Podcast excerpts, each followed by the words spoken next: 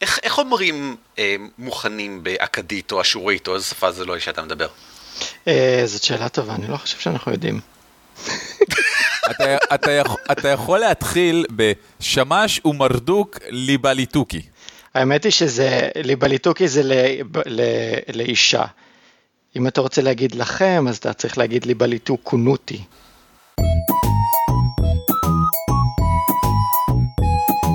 על כתפי גמדים. פודקאסט ישראלי על משחקי תפקידים.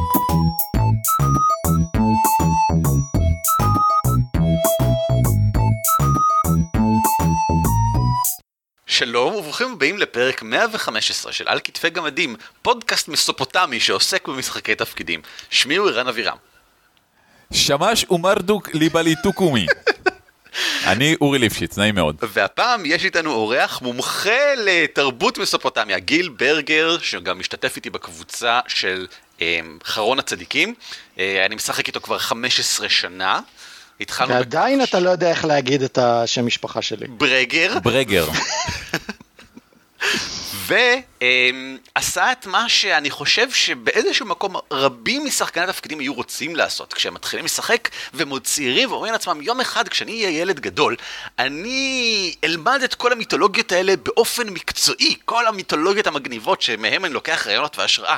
אני אהיה מישהו שבאמת מתעסק בזה. ואז כולנו הולכים להיות לא יודע מה וגיל הלך להיות ארכיאולוג שמתמחה בתרבות מסופוטמית. מה נשמע? אהלן, מה קורה? אהלן, קודם כל שלום, נעים מאוד לארח אותך פה. תודה, תודה, נעים מאוד להיות פה. תן לנו איזשהו mm. רקע, מה באמת תחום ההתמחות שלך באקדמיה? אה, אני עכשיו עושה דוקטורט באוניברסיטת ברקלי בתוכנית ה-Cuneiform, שזה כתב היתדות. אה, אני בעיקר אה, חוקר את תרבויות מסופוטמיה מהאלף ה... בוא נגיד אה, סוף האלף השלישי לפני הספירה עד אה, ממש אה, תחילת, ה... סוף, הס... סוף הלפני הספירה. זאת אומרת עד המאה הראשונה. אפס. נגיד, כן. אז כאילו שלושת אלפים שנה? כן, עכשיו מן הסתם, מן הסתם זה קצת טווח גדול מדי, אבל כן. למדתי, אתה יודע, את כל התרבויות, לא להגיד כל תרבויות זה בעייתי, אבל למדתי הרבה מה... את הרקע, את ההיסטוריה, את השפה, את, התרב, את, ה, את הכתב, את המנהגים של התרבויות שהיו קיימים במזרח התיכון, אה, שנקרא המזרח הקדום בתחום. אה, איך, אה, איזה שפות אתה יודע מהתחום הזה? וואו. טוב, קודם כל, כאיזשהו disclaimer קטן, לדבר את השפות האלה אף אחד לא יודע. אוקיי. הכל זה עניין גם של... אה, אה, איזשהו estimate אה, אקדמי שבאמת ככה השפות האלה היו. אז אה, אני יודע שומרית, אכדית, חיתית, אוגריתית, קצת אילמית וקצת פרסית עתיקה. וואו. אוגריתית זה שפה של אוגרים, נכון? כן. כמעט. האמת היא שהיא שפה מאוד קרובה לעברית ושפה מאוד מעניינת. בסדר גמור. הבאנו אותך כדי לדבר על מסופוטמיה, כי אנחנו חושבים שזהו אחד מתחומי המיתולוגיה שעליהם הישראלים יודעים הכי מעט, שזה מצחיק. אמ, כי היא ממש קרובה, אז זה פה בעיראק ואיראן כביכול. אני חושב שזה גם בישראל, ובכל מקרה, זה תחום מאוד מאוד עשיר, ובסך הכל מאוד זר לפנטזיה האירופאית הקלאסית שאנחנו מכירים, בשעתו כבר לקחתי ממך כמה רעיונות לאיזושהי כתבה שכתבנו על אלים, אני לא יודע אם אתה זוכר, קישור ניתן כמובן כאן למי שרוצה השראה לאלים מסופוטמיים, אבל אנחנו נרחיב על זה עכשיו במהלך הפרק, ועל עוד כמה דברים. אמ, כדי לתת איזושהי תחושה מסופוטמית, אני משתמש במילה הזאת מלא, אבל אני לא בטוח שהיא באמת, כאילו, מה זה אומר מסופוטמי? אה, מסופוטמיה עצמה, האמת היא שמסופוטמיה זה ההגדרה היוונית הקלאסית לאזור שאנחנו מדברים עליו, שזה מילולית זה אומר בין הנערות. מסו 아, אה, זה אוקיי. בין ותמיה זה, זה, בין הנע... זה הנערות הגדולים, הפרת והחידקל. אז זה בעצם היה ההגדרה של ההיסטוריונים היוונים של יוון הקלאסית לאזור הזה ש... שעוטף את אה, עיראק, אה, חלק מצפון סוריה, חלק מדרום מזרח אה, טורקיה גם המודרניים, אבל שם זה אחד מערשי התרבות העולמית. ואני בטוח שהמון מהמאזינים שלנו עכשיו חושבים, זה מגניב, סוף סוף עושים פודקאסט על היסטוריה. זה ממש יכול לתפוס בישראל. אה, אבל למען האמת, אנחנו פודקאסט על משחקי תפקידים, אז חלק מהרעיון פה הוא שזה מגניב להמציא עולמות ומיתוסים ואלים בעצמכם, רוב המקרים זה אין צורך. גם כי להשתמש בדברים קיימים, בייחוד דברים שבאמת קרובים אלינו, זה נותן למערכת משחק שלכם תחושה הרבה יותר אמיתית ובעיניי הרבה יותר מגניבה. כשאפשר להילחם במאמיני אשטר, אישטר? אישטר. אישטר, ואז uh, ללכת לטיול באיזה סוף שבוע ופתאום לגלות את המזבחות של אישטר מפוזרים בכל מיני מקומות. Uh, וגם כי אני, אני אישית מאמין שאין מקום יותר טוב ללמוד ממנו מאשר המציאות. לא, לא משנה מה תמציאו במשחק שלכם, זה יהיה פחות מופרך מדברים שכבר קרו בהיסטוריה. אני רואה את זה שוב ושוב קורה. אז כחלק מהשיחה שלנו פה עם גיל, אני הייתי ממליץ לכל אחד שמקשיב, לרשום לעצמו בצד רעיונות שנראים לא מגניבים, דברים שהאמינו בהם בעבר, לקבל מהם השראה, או פשוט לדוג מזה דברים as is. אני, אני יודע שאני אישית, אה, מעלילות גילגמש, האפוס האשורי, אני השתמשתי בו וברעיונות שבו המון פעמים, אה, כי זה הסיפור היחידי שאני מכיר, וכי למדתי אותו פשוט אה, בניתוח ספרות אנגלית, בתור הסיפור הקצר הכתוב הראשון שיש. מה שיפה פה, בגלל שזה דברים אמיתיים, אתם יכולים להיכנס לוויקיפדיה, אתם יכולים לקרוא מאמרים מהאוניברסיטאות, ובאמת ללמוד עוד על זה. עכשיו אם כבר דיברנו על זה, אני רוצה לתת חצי מילה על מחקר היסטורי בכלל, זה משהו שגיל ציין לפני שהתחלנו את הפרק וזה חשוב באמת שנסביר את זה, כי אולי לא כל המאזינים יודעים, מחקר אקדמאי היסטורי הוא לא בעובדות מוצקות גמורות, זאת אומרת הוא כן בעובדות אבל שום דבר הוא לא מאה אחוז, כמו מחקר אקדמאי בכלל, כדאי שתדעו, שום דבר הוא לא בטוח לכאן או לכאן, והרבה מהדברים שנדבר עליהם עכשיו גיל הסתייג אוטומטית, בוא, בוא נסייג את גיל עכשיו כבר, כי מדובר בהשערות או במחקרים, ועל חצי מהדברים יש טענות לכיוונים אחרים, אה, בין אם זה קולות יותר בולטים או קולות פחות בולטים במחקר האקדמאי. הנקודה היא שאנחנו לא מדברים על אמיתות היסטוריות גמורות שבאמת קרו, אנחנו מדברים על המחקר ההיסטורי הנוכחי ומה הוא יודע להגיד לנו בגדול. אנחנו אמרנו קודם שמסופוטמיה זה אה, השם היווני לאזור הגיאוגרפי. Mm-hmm. אבל מסופוטמיה זה, זה לא תרבות עכשיו, זה, זה אחת, זה כמה תרבויות שהיו באזור לאורך זמן. זה נכון. אז אולי נפרט רגע על מהם התרבויות הללו. זה נכון. Uh, להגיד, התרבות המסופוטמית זה כזה הגדרה קצת בעייתית, בדיוק מהסיבה שאמרת. זה כמו התרבות האירופאית? שם... כן. uh, פחות או יותר, כי uh, היה שם רצף של כמה תרבויות וכניסה של תרבויות אחרות וגם אוקיי, אז בואו נתחיל מההתחלה. אה, התרבות המתועדת הראשונה שיש לנו, מבחינת התרבות שבאמת כתבה דברים, זה היו השומרים, שהיו, בואו נגיד, באלף השלישי לפני הספירה. לקראת סוף האלף הזה נכנסה תרבות אחרת, האמת היא שאתם לא רואים שאני עושה גרשיים. נכנסה תרבות אחרת, התרבות האכדית, ואחרי זה הגיעו כל מיני תרבויות אחרות, הארמים ומורים, ו... אבל משהו שחשוב מאוד לציין, שכשאנחנו אומרים שנכנסה תרבות אחרת והחליפה כביכול את התרבות הקודמת, היא לא באמת החליפה, תרבויות לא באמת נעלמות, האנשים שלה לא באמת פשוט מתפוגגים לאוויר. מה שקורה בדרך כלל, כמו שקרה במסופוטמיה, זה שהתרבויות האלה מתמזגות והופכות לאיזושהי ישות חדשה. מן הסתם יש סממנים שהם הופכים להיות יותר דומיננטיים, כמו נגיד שהאקדים, מי שהם לא יהיו, גם לקרוא להם אקדים זה קצת כזה מוזר, מי זה האקדים האלה באמת? אבל היה, פתאום רואים סממנים בכתב של שמות אכדיים, של אה, אה, אה, מתחילים להופיע טקסטים באכדית, ו... תוך זמן יחסית קצר הטקסטים השומרים מוחלפים בטקסטים אכדיים, והשומרית הופכת להיות אה, אה, שפה שולית. זה מציין... מה זה זמן יחסית קצר? זה, זה שוב, אנחנו מדברים פה על, לא בדיוק על תאריכים מדויקים, אבל יכול, זה יכול להיות אפילו בפרק זמן. זה תלוי גם האופן של החדירה, אם אם מגיעה תרבות שהיא דומיננטית נגיד מבחינה צבאית ומיד משתלטת על השלטון, mm. אז מן הסתם המעבר הזה, המיזוג הזה וההפיכה של התרבות החדשה לדומיננטית יותר, הוא מהיר יותר. זה בגלל... עניין של דור או שניים כאילו? זה יכול להיות אפילו פחות. אה וואו, ואנחנו יודעים להגיד את זה היום? אנחנו יכולים, אנחנו יודעים להגיד שהאכדים הפכו להיות התרבות הדומיננטית, כי יש הרבה יותר טקסטים באכדית. אוקיי. Okay. אוקיי? Okay? וזה אומר לנו מה, מה קורה שהמלך דובר שפה אחת וכולם רוצים להיות כמוהו. אז מה עושים? לומדים את השפה של המלך ומנסים יותר להיות כמו, לחקות את המלך. אוקיי. שזה דרך ממש מגניבה, אה, אם יש לך שחקן שלקח אה, מיומנות בידע שפות, אה, להחליט פתאום שאף אחד לא מבין את השפה חוץ ממנו, או דברים דומים. כן. מגניב, לא חשבתי על זה אף פעם לעשות דבר כזה, אבל זה, זה פשוט רעיון נהדר.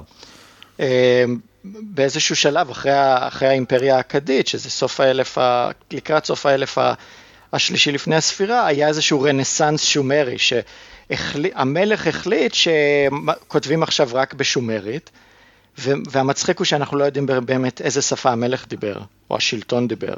אבל הוא החליט ששומרית זה השפה הכי טובה. וכמה זמן זה היה אחרי ירידת התרבות השומרית כבר?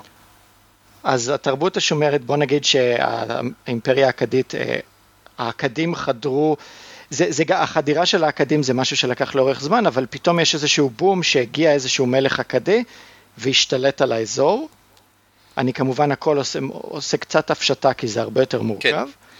כן. אמ, ואז השושלת שלו הייתה, האימפריה האכדית הייתה בערך 150 שנה נגיד.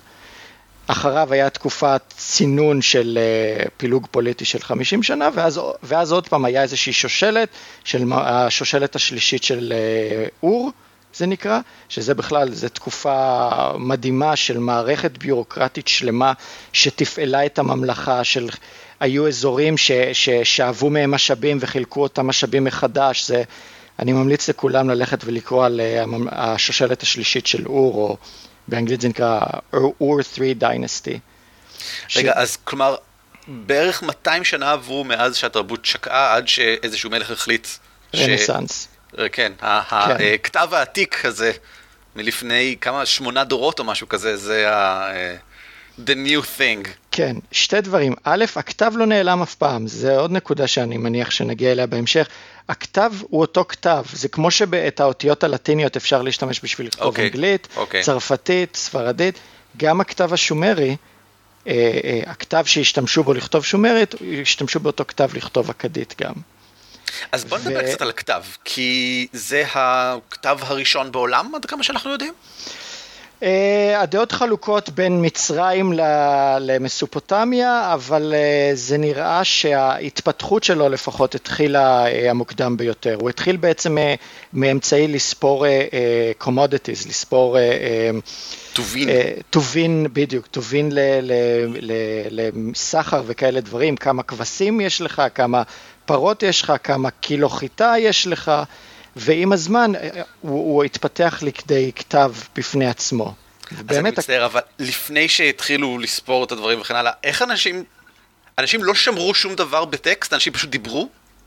אה, לא שאנחנו אי פעם מצאנו משהו, כן. וואלה. טוב, הם רק דיברו, לא נמצא, אבל, אבל עצם העובדה שפתאום יש כתב וקודם לא היה. אבל זה לא פתאום, זה משהו שקרה לאורך זמן. מישהו החליט שבגלל שהוא שולח את זה למרחק גדול והוא רוצה חשבונית, Mm. ובאמת הטקסטים הראשונים הם טקסטים כלכליים. אז הוא כתב, הוא סימן על, על, על איזשהו אה, חתיכת חרס, איזשהו חתיכת אה, חמר, הוא סימן סימן שנראה כמו אה, כבשים, שלוש כבשים, וסימן שנראה כמו משהו כמו אה, אה, איזשהו, אה, איזשהו שיטת מספור ל... לא יודע מה, לקילו חיטה, והוא נתן את זה יחד עם ה, עם ה, לשליח שלו, וכשהשליח הגיע לשם הוא הראה למקבל שהנה זה באמת כל הסחורה שהיית אמור לקבל. ומזה התחיל להתפתח כל הרעיון הזה של, של כתב. מגניב. אה, מי ידע לכתוב? מי ידע לכתוב? אוקיי, אז כשזה הפך להיות לכתב, אז הופיע מעמד של סופרים. גם, זה לא פתאום אה, יש מאין, אבל זה התפתחות לאורך זמן, אבל היה מעמד של סופרים, כי כתב היתדות הוא כתב מאוד מורכב, הוא כתב של, אה, אה, של סימנים, לא של אותיות, וכל סימן יכול להיות או בעל או לוגוגרמה, זאת אומרת שהוא סימן שמשמעותו שלו זה מילה ספציפית, כמו שיש סימן למלך, אתה לא צריך לכתוב מלך, אתה פשוט כותב את הסימן הזה, וזה, וזה המשמעות של המלך. כמו אייקונים כאילו, כמו אייקון של סמיילי. כמו אייקון של סמיילי, בדיוק. אמ, ו, ואתה יכול להשתמש בו גם בשביל לכתוב אה, צלילים והבהרות. אז, אז הוא כתב שמכיל, ויותר מזה, יש צלילים מסוימים שיש להם כמה סימנים. לדוגמה, יש אה, למעלה מ-26 סימנים לצליל גה. אתה רציני? לא יודע למה, אל תשאל אותי למה, אבל יש יותר מ-26 סימנים לצליל גה. לא יעיל. לא יעיל, ובגלל למה? זה... למה? אולי, אולי זה במנעדים שונים. גה, גה, גה, גה, גה. יכול להיות. וזה משהו שאנחנו לא יודעים, אבל בכל כן. מקרה, בשביל לדע, להשתמש בכזה דבר מונומנטלי, צריך מעמד מיוחד של סופרים שלומדים שנים רבות בשביל להיות מסוגלים לקרוא ולייצר את הדברים האלה. אז יש, יש בתי ספר לסופרים, יש מעמד של סופרים, ויש גם מלכים שמתהדרים בזה שהם יודעים קרוא וכתוב. יותר מזה, יש גם מלכים שמתהדרים בזה שהם המציאו את הכתב. אה, כן, טוב. כמו נגיד אה, אה, דריווש, שהתהדר בזה שהוא המציא את הכתב הפרסי. כן, אולי 50 חבר'ה מהחצר מלכות שלי עזרו קצת, כן. אבל אני המצאתי את זה, אני אמרתי להם, תעשו כתב. זה מגניב, תחשוב איך זה מגניב, איך זה משפיע על עולם המערכה שלך להוסיף עוד מעמד שכזה. שדמויות שלוקחות מסר ממלך אחד למלך אחר באמת לא יודעות מה כתוב שם כי הן לא מבינות. אני חושב על כך שמקורו של הכתב הוא בהליכים כלכליים. מה זה אומר בעולמות שבהם למשל בהרבה עולמות פנטזיה אה, נטען שהכתב, כמו שאני מתאר לעצמי שאחר כך טענו גם במסופוטמיה, מגיע מהאלים, ומילים מגיעות מהאלים, ואני חושב שעד היום אה, יש אה, סקטים ביהדות שטוענים שהעברית היא שפה שאלוהים נתן, as is, זאת אומרת יש משהו קדוש אינהרנטי אמיתי אה, כמו עובדה אמיתי ב, בשפה, בשפה מסוימת. בהודו זה ככה, בהודו הכתב נחשב קדוש, ויותר מזה, יש אפילו מיתוסים על אלים שמתחבאים בתוך אה, הכתב כדי שלא ימצאו אותם. מגניב, מגניב אימים.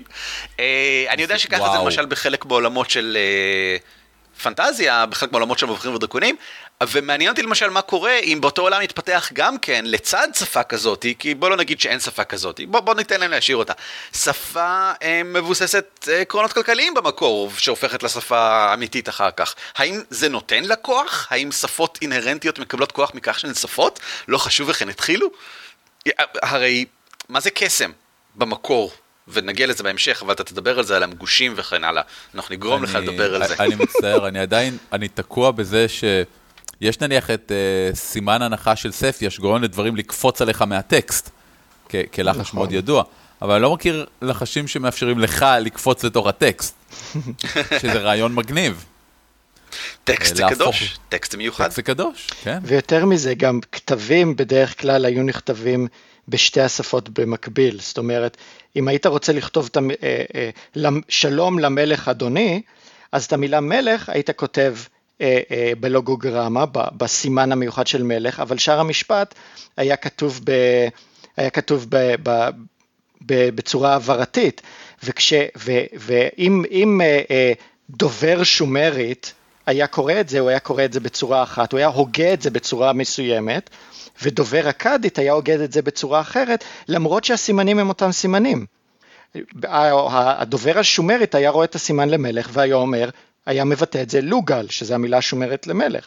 הדובר האכדי היה רואה את הסימן למלך והיה מבטא את זה שרו, שזה המילה האכדית למלך, שדרך אגב זה מקביל למילה העברית שר. זה, oh. זה לגמרי אה, אמוג'י, אם ככה.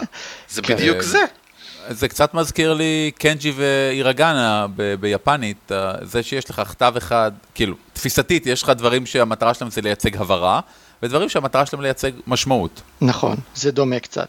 אני חושב שהכי קל לדמות את זה למספרים. כשאתה רואה את הספרה האחת, דובר עברית יקרא את זה אחד, דובר אנגלית יקרא את זה one, ודובר גרמנית יקרא את זה eins, אבל כולם יבינו מה המשמעות של הדבר הזה. סבבה. גם אם הם, לא דובר, גם אם הם דוברים שפות שונות לגמרי. בסדר, אז יש עוד כמובן הרבה דברים להגיד על uh, כתב ועל ההשפעה שלו על החברה ועל מעמד הלבלרים, שאני יודע לפחות שבמצרים היה לו... Um, במקומות מסוימים זה היה מעמד משל עצמו, כמו שיש המעמד הבינוני וכן הלאה, אז יש מעמד הלבלרים. אבל אנחנו צריכים להמשיך הלאה. בוא נדבר על אלים. התחלנו לדבר עליהם קצת מקודם, אז בוא נמשיך עכשיו. האלים המסופוטמיים. כן. בגדול, אני מדמיין בראש, כשאומרים לי אלים, אה, מספר קבוצות זרות. האלים המצריים הם פנתיאון, אה, האלים היווניים, האלים הנורדים, כל מיני פנתיאונים כאלה. האם יש פנתיאון אלים מסופוטמי? אה, כמו ברוב המקרים אני אענה לך כן ולא. זאת אומרת, יש פנתיאון אלים מסופוטמי, אבל אה, חלק מהרעיון של, אה, של פוליטאיזם, של אה, פנתיאון של אה, אלים רבים, הוא שהוא מאוד אה, אה, יכול לספוח לתוכו ולספוג לתוכו אלים חיצוניים. אין לו את הקיבעון המונותאיסטי. אז היו הרבה אלים שאנחנו רואים אותם מלכת, מהזמנים הראשונים שהעלו על כתב, אנחנו רואים את איננה, אנחנו רואים את אנליל, אנחנו רואים את אן, יש איזשהו פנתיאון קבוע פחות או יותר של אלים, שהוא משתנה גם לאורך זמן, אלים אה, המעמד שלהם עולה, אלים המעמד שלהם יורד. בזמן נתון מסוים המעמד של כל אל הוא לא קבוע ב- ביחס לאזור הגיאוגרפי. באורוק, זה, זה, זה העיר הראשית של איננה, אז המעמד שלה שם מאוד גבוה. אבל ב... ב לא יודע מה, ב, בגירסו, נין גירסו הוא האל הראשי, אז המעמד שלו הוא יותר גבוה. יש איזושהי מערכת דינמית של, של המעמדות אה, בין האלים. כאמור, אבל יש איזשהו פנתיאון, איזושה, איזושהי ליבה של פנתיאון שדי חוזרת על עצמה לאורך התקופה, היא משתנה קצת. כשנכנסים נגיד אלים, כשנכנסת אה, התרבות האכדית או אנשים דוברי האכדית, האלים קצת משתנים, איננה, אפשר, איננה הופכת למה שאנחנו מכירים כאישתר, זאת אומרת, mm. אישתר הופכת, מקבלת את כל מה שאיננה הייתה. אז להגיד האם אישתר זה איננה, או האם אישתר זה גלגול מחדש של איננה, אה, לא באמת אפשר להגיד, אבל אני גם לא חושב שזה כל כך משנה. כן. יש הרבה סינקרטיזם במקרה הזה, שסינקרטיזם זה אומר ששתי ישויות אלוהיות מתמזגות לכדי אחת, או כמה ישויות מתמזגות לכדי אחת. תשמע, בעולם פנטזיה זה מאוד משנה. בעולם פנטזיה, אם כן. האלים מושפעים בוא נגיד שמדובר בעולם פנטזיה שפועל בדיוק כמו העולם שלנו, כלומר עם הסינקרטזיה כמו שאמרת עכשיו, ואלים שהופכים לאחרים וכן הלאה, רק שהכל באמת נכון, האלים באמת משתנים בהתאם לאמונות. זה, זה מאוד משנה, זה משנה את האלים נכון, ממש. נכון. והם עשויים לרצות להתנגד לזה, או אולי מבחינת אלים זה טבעי שאין לך זהות קבועה, ושזהות זה משהו שמשתנה. לא יודע. אלים. יש, יש איזושהי ליבה, אפשר לראות את זה ככה, יש איזושהי ליבה שנשארת אותו דבר. המניפסטציה של הליבה הזאת משתנה בהתאם להלך רוח הצייטגייסט של המאמינים. יש לי שאלות לגבי האלים, כי אני למדתי קצת את עלילות גילגמש כשהייתי באוניברסיטה, היה לי איזשהו קורס שעסק ספציפית בעלילות גילגמש. נכון שזה אגב האפוס ההיסטורי הראשון הכתוב? אה, כשאתה אומר אפוס היסטורי, אתה מתכוון כאילו... סיפור, הסיפור ההיסטורי. אוקיי. זה סיפור נרטיבי... אלא אם לי שיקרו באוניברסיטה, מה שעשו בקורסים מסוימים. אה, זה כתוב על משהו כמו 30 אה, כרכים של זה, לא? משהו כזה? 12 טבליות אבן. כן, 12 אם אני לא טועה. בכל מקרה, חלק שצריך לדעת לגבי הסיפורים שאנחנו מקבלים ממסופוטמיה, הרבה מהם זה, זה העתקות חדשות, כשאני אומר חדשות אני אומר על העתקות שהיו לפני 2,500 שנה, כן? כן. של, כן. של טקסטים קדומים יותר. אז נגיד עלילות גילגמש, יש מעט מאוד אזכורים לזה אה, אה, בתקופה השומרית, או התקופה הבבלית העתיקה, שזה סוף האלף השלישי, תחילת האלף השני, אבל רוב הבולק הראשי של העלילות גילגמש כמו שאנחנו מכירים אותם, הם, הם, זה גרסאות אה, מאוחרות יותר של, העתקים שעשו. אז מתי באמת התחילו לכתוב את עלילות גילגמש? האם זה העלילה עברה מדור לדור והועתקה בדיוק אותו דבר, או היו שינויים? זה נושא קצת שקשה לענות עליו. אין בעיה, אבל בגילגמש עוסק, ובכן, הסיפור עוסק בגילגמש, שהוא היה נכון. אה, המלך של אור, נכון? אורוק. אורוק, סליחה. אה, אורוק, כמו באורוקאי, כאילו? אה, אם כבר אורוקאי זה כמו אורוק, אבל כן. אמ, והוא היה חצי אל, נכון? נכון. והוא היה חזק כמו שלושה אנשים או משהו כזה? שלושה? מה זה? למה אתה מחליש אותו? שליש אל. אתה עושה לו נק? שליש אל? לא. האמת היא, יפה, יפה, הוא היה שליש אל, כן. איך אתה שליש אל? אה, זה, לא בדיוק שליש, אבא שלו היה חצי אל, אימא. שלו אוקיי. הייתה אלה. אז okay. אוקיי. תעשה את המתמטיקה לבד, לא ואם אני זוכר נכון, הוא היה מלך מוצלח, מדהים, פנטסטי, נהדר, הכל עבד טוב, ואז הוא השתעמם. Uh, הוא היה מלך טוב במובן הזה שהוא uh, uh, האדיר את העיר שלו והכל, אבל הוא uh, היה גם די מחורבן, הוא הלך מכות עם כל, uh, כל uh, אלם צעיר כדי להוכיח שהוא יותר חזק. Uh, יכול להיות שהיה גם פה איזשהו עניין של uh, פרימה נוקצה, לא בטוח כל כך, הפירוש uh, לא ודאי. אתה יודע, הזכות של המלך לשכב עם, ה, עם הכלה בליל הכלולות, לפני הבעל. Uh, פוף. אז יש פה קצת, uh, יש פה קצת בעייתיות, הוא קצת בעייתי הבן אדם הזה. עכשיו, הוא יוצא לדרך לאיזו סדרה של הרפתקאות, אנחנו ניתן קישור כמובן למי שמעוניין ספציפית, אבל חלקן די מעניינות, בהתחשב בכך שזה הטקסט הראשון שנכתב, זה בכלל, יש שם דברים שאני לא כך רואה בימינו, יש את הזר שהוא פוגש בטבע, שהופך להיות חבר הטוב שלו. הזר אנקידו הוא נוצר בגלל שתושבי העיר התלוננו אה, אה, על גילגמש, אז היצור הזה נוצר על ידי האלים כדי להיות איזשהו עזר כנגדו, איזשהו mirror image של, אה, של גילגמש, והם ביחד יוצאים לסט הרפתקאות, שזה באמת, אם הייתי קורא את זה בלי לדעת שזה נכתב לפני 3,000-4,000 שנה, הייתי בטוח שזה משהו שכתבו בתקופה האחרונה. ויש שם כל מיני דברים כמו הבסיס, אה, אחד מהבסיסים כנראה לאגדת מבול ולאלף ואחד אגדות אחר כך שנכנסו נכון. לכל המיתולוגיות שקרו אחר כך, כן. אבל מה שמעניין אותי זה שוב פעם לחזור לעניין האלים כאן, אמ, הוא מסתובב מרביץ לאלים, אם אני זוכר נכון? לא, הוא לא מרביץ לאלים, הוא אוקיי. מרביץ לכל מיני מפלצות כמו חוואווה, אבל אה, הוא לא מרביץ לאלים.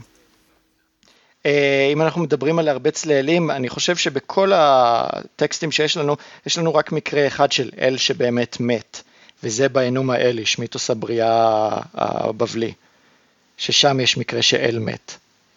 כי אלים, כנראה בתפיסה שלהם, אלים זה לא משהו שיכול למות.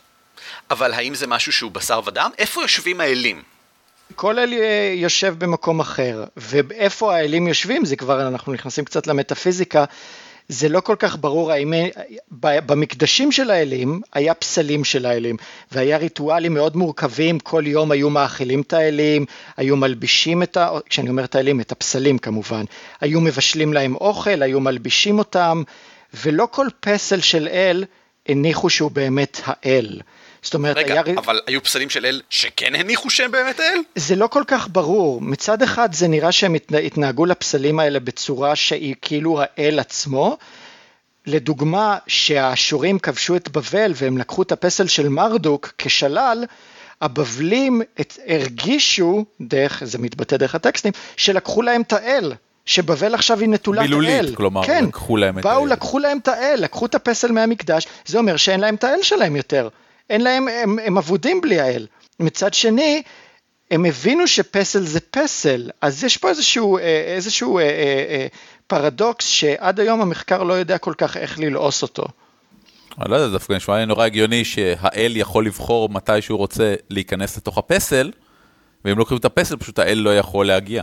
יש לך... יכול להיות, אבל יש, יש ריטואל כזה להכניס את הרוח של האל לפסל, זה נקרא ריטואל פתיחת הפה.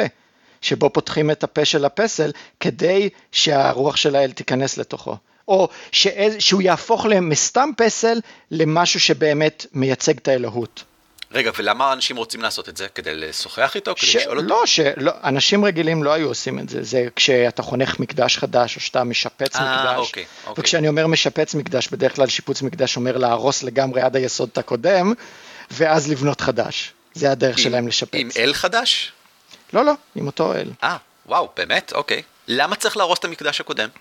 אה, שתי דברים שהמלכים המסופוטמיים מאוד אהבו, אהבו לעשות, זה מסעות מלחמה ולשפץ מקדשים. כי זה פופולרי? כי זה חלק מהרעיון של מה שמלך צריך לעשות במסופוטמיה. מגניב, אנחנו עוד נחזור לזה, אבל יש לי שאלה אחרת אם נחזור לגבי האלים. אה, אמרת שהבבלים לקחו את ברדוק. זה, אם אני זוכר נכון משיעורי תנ"ך, בגדול אלים נתפסו כמשהו ששייך לארץ מסוימת או לעם מסוים, נכון? אם לוקחים אותך, לכן גם הגלו אנשים, כי, כדי לקחת אותם מהאל שלהם ודברים שכאלה.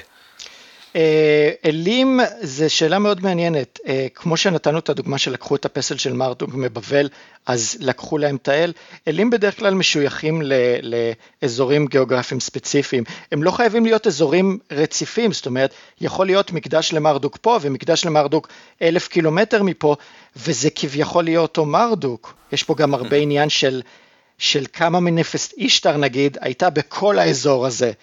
בכל אזור מסופוטמיה, הייתה גם בסוריה, הייתה גם באנטוליה. זה אותו אישטר, זה אישטר שונה, זה מניפסטציות שונות של אותה אלה. זו שאלה מעניינת, אבל אלים בדרך כלל משויכים לאיזשהו אזור גיאוגרפי מסוים. ואז אם לוקחים משם את העם, אז העם מרגיש שכבר אין לו את האל והוא לא יכול להמשיך לסגוד לו? הוא מנותק כאילו מה, מה, מהייצוג של האל במובן מסוים, בדיוק כמו שניתקו את הבבלים כשלקחו להם את הפסל של מרדוק. עכשיו, אה, אני רק רוצה לציין שלקחו את הפסל של מרדוק, עדיין פינקו אותו באשור. זה לא ששמו אותו בבוידם וזרקו את המפתח. גם הם מכירים בכך שהוא אל. נכון מאוד. וזה חלק מהרעיון של הסינקרטיזם, שנגיד החיטים שחיו באנטוליה, שזה טורקיה המודרנית, באלף, אה, אמצע האלף השני לפני הספירה, שזה עוד אחת מהתרבויות שאפשר לכלול במסגרת הזה של המזרח הקדום. כל מקום שהם הגיעו אליו וכבשו, הם דאגו גם להקים, להקים מקדשים לאלים המקומיים בבירה שלהם. זה מאוד תמיד. חכם. וואו. מבחינה, כן. מבחינה מטאפיזית זה מאוד חכם, אתה רוצה נכון. שהאלים של המקומיים יקבלו אותך. נכון. והם גם, כש, כשהיה להם איזו תקופה קשה ששבטים בר, ברברים, הקשקה, ירדו מהערים והרסו להם את העיר בירה, אז הם התלוננו על זה שהמקדשים שלהם עכשיו נטושים ו, והם רוצים להקים את המקדשים מחדש בשביל האלים כדי שהאלים ירגישו טוב עם עצמם. 아, אז כל המקומות שהם כבשו בעצם, היה להם סיבה לעזור להם נגד החבר'ה החדשים, כי זה מקדשים זה, גם של האלים שלהם. זה נקודה מעניינת, כן. בפעם הבאה נמשיך לדבר עם גיל על עוד בערך חצי שעה של דיבורים מסופוטמיים כאלה ואחרים.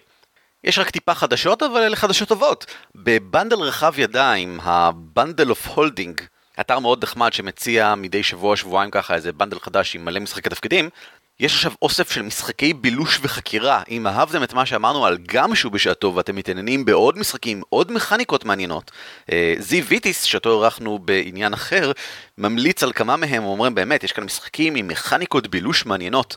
קפצו לשם, שלמו קצת כסף, קבלו מלא משחקים. הקישורים כמובן בהערות של הפרק, אבל אתם יכולים גם פשוט לחפש bundleofholding.com. בנוסף, שתי סדרות חדשות ביוטיוב, שתיהן עוסקות במשחקי תפקידים, ייי! אחת היא גרסת live action של Knights of the Dinner Table, אה, כנראה קומיקס הומוריסטי שעוסק במשחק התפקידים הוותיק ביותר ואולי גם המוכר ביותר. אם אתם לא מכירים את uh, Knights of the Dinner Table, אני ממליץ בחום, יש להם כל מיני קומיקסים בחינם באתר שלהם, אבל מעבר לכך אפשר גם פשוט לראות את הסדרה החדשה. היא די נחמדה, אני חושב שהיא הייתה יכולה להיות קצת יותר טובה, אבל בסך הכל זה משעשע, וזה משקף את אחד מהסטריפים הקלאסיים ביותר שלהם מלפני, אני חושב, 15 שנה. וסדרת הוידאו השנייה המעניינת היא Titansgrave. וויל וויטון, שאותו אנחנו מאוד אוהבים בזכות TableTop בעיקר, סדרה שבה הם מציגים משחקי לוח ולעיתים נדירות משחקי תפקידים, בפני קהל מאוד רחב, מה שממש גרם לעלייה משמעותית במכירות של המשחקים האלו. התחיל עכשיו בסדרה שבה הוא מריץ משחק לחבורה של ארבעה חבר'ה, כולם סבבה של שחקנים, לאורך עשרת השבועות הקרובים. זהו עולם פרי עטו ביחד עם כמה חבר'ה אחרים, שעומד לצאת בקרוב בשיטה החדשה, Age של Green Ronin Games, שמבוססת על השיטה המצוינת של Dragon Age. שיטת פנטזיה נוחה לשימוש, העולם של Titansgrave כולל גם טכנולוגיה, אז מן הסתם השיטה החדשה תכלול גם uh, טכנולוגיה ואולי גם דברים נוספים, עם עיקרון מאוד פשוט וחמוד של סטנטים. בהערות הפרק כמובן אנחנו נותנים קישורים גם לאלה וגם אני אתן קישור לפרק ב TableTop שבו שיחקו את השיטה של Dragon Age כי הוא כזאת שיטה נחמדה. זהו, תודה שהקשבתם לנו ושבוע הבא עוד מסופוטמיה. על כתפי גמדים משותף ברישיון שיתוף ייחוס זהה Creative Commons 3. המייל שלנו הוא גמדים את roleplay.co.il והאתר שלנו בדוורבס.org.il. ניתן למצוא אותנו גם בטוויטר, פייסבוק וגוגל פלוס.